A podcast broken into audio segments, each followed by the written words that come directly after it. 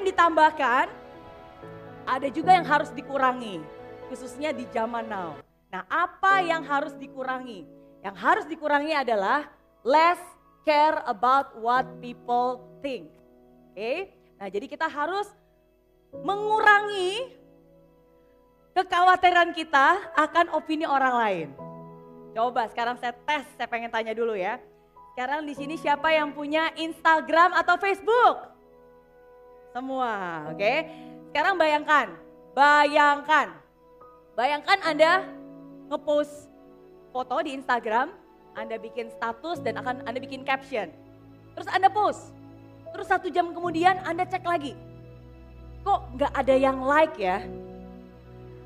Kok nggak ada yang komen ya? Nah, apa yang akan Anda lakukan? Hapus.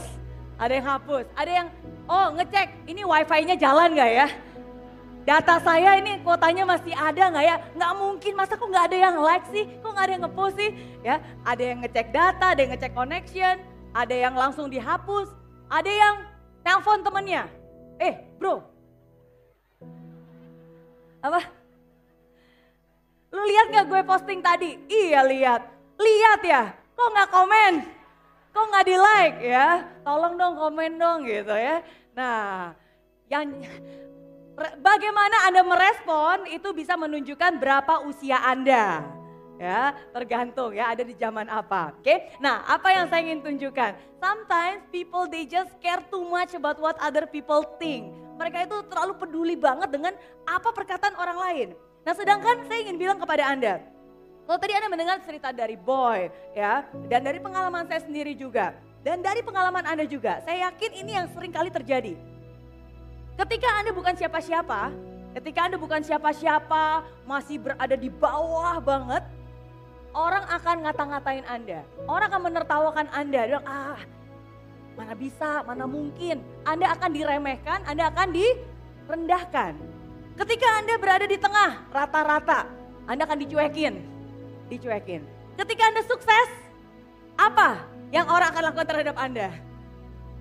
Anda akan di, dijulitin, betul ya.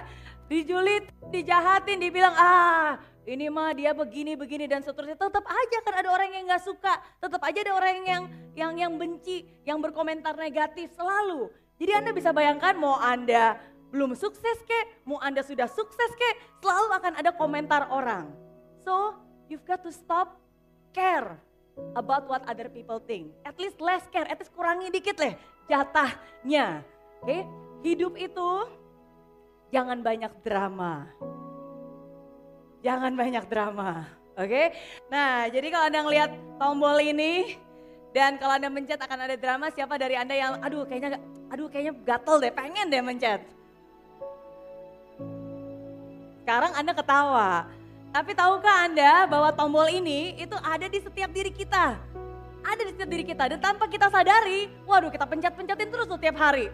Wah kayaknya nggak asik deh kalau nggak ada drama. Jadi tombol itu dipencetin sendiri.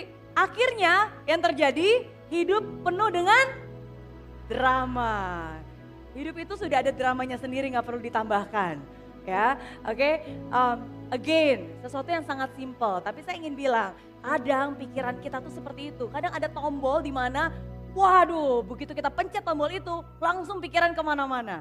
Waduh nanti kalau saya pengen sih buka usaha tapi kalau saya gagal nanti gimana? Kalau nanti saya harus berhutang gimana? Nanti kalau saya gagal komentar tetangga gimana, komentar teman gimana dan seterusnya. Dan ketakutan-ketakutan itulah yang akhirnya menghambat Anda untuk bisa mencapai mimpi Anda. Ketakutan-ketakutan takut akan pandangan orang lain, takut kegagalan, takut diketawain orang lain, takut gagal, takut hidup menderita, takut miskin katanya.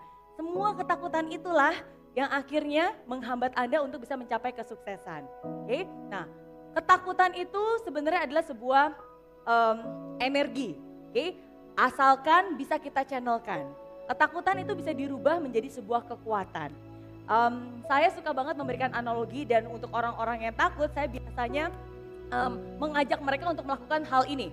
Ini yang saya sebut bagi bagaimana mereka mengubah ketakutan menjadi kekuatan. Biasanya saya akan suruh mereka makan api. Ya, makan api ini api beneran seperti ini ya. Jadi ini bukan gimmick, ini benar-benar dan ini adalah udah banyak ratusan orang yang mencoba. Awalnya mereka takut, wah banyak drama. Aduh nanti kalau bibir saya kebakar gimana, kalau alis saya kebakar gimana, ya kan? Dan seterusnya. Tapi Anda sendiri bisa buktikan bahwa ketakutan itu bisa dirubah menjadi sebuah kekuatan.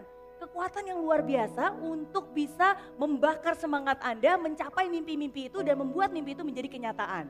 Oke, um, ubah ketakutan menjadi sebuah kekuatan.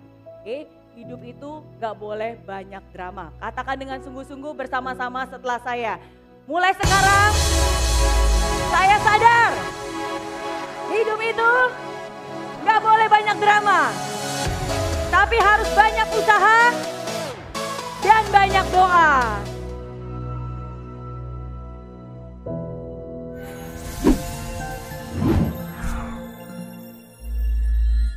Di aplikasi Mary Riana tersedia lengkap video-video YouTube terbaru saya, artikel yang up to date, post inspirasi, koleksi merchandise, workshop dan seminar yang bisa kamu dapatkan free dan download sekarang juga gratis.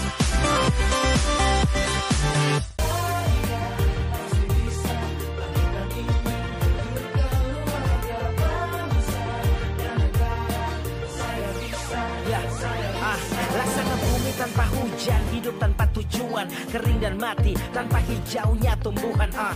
Demikian kalau mimpi tak kunjung terjadi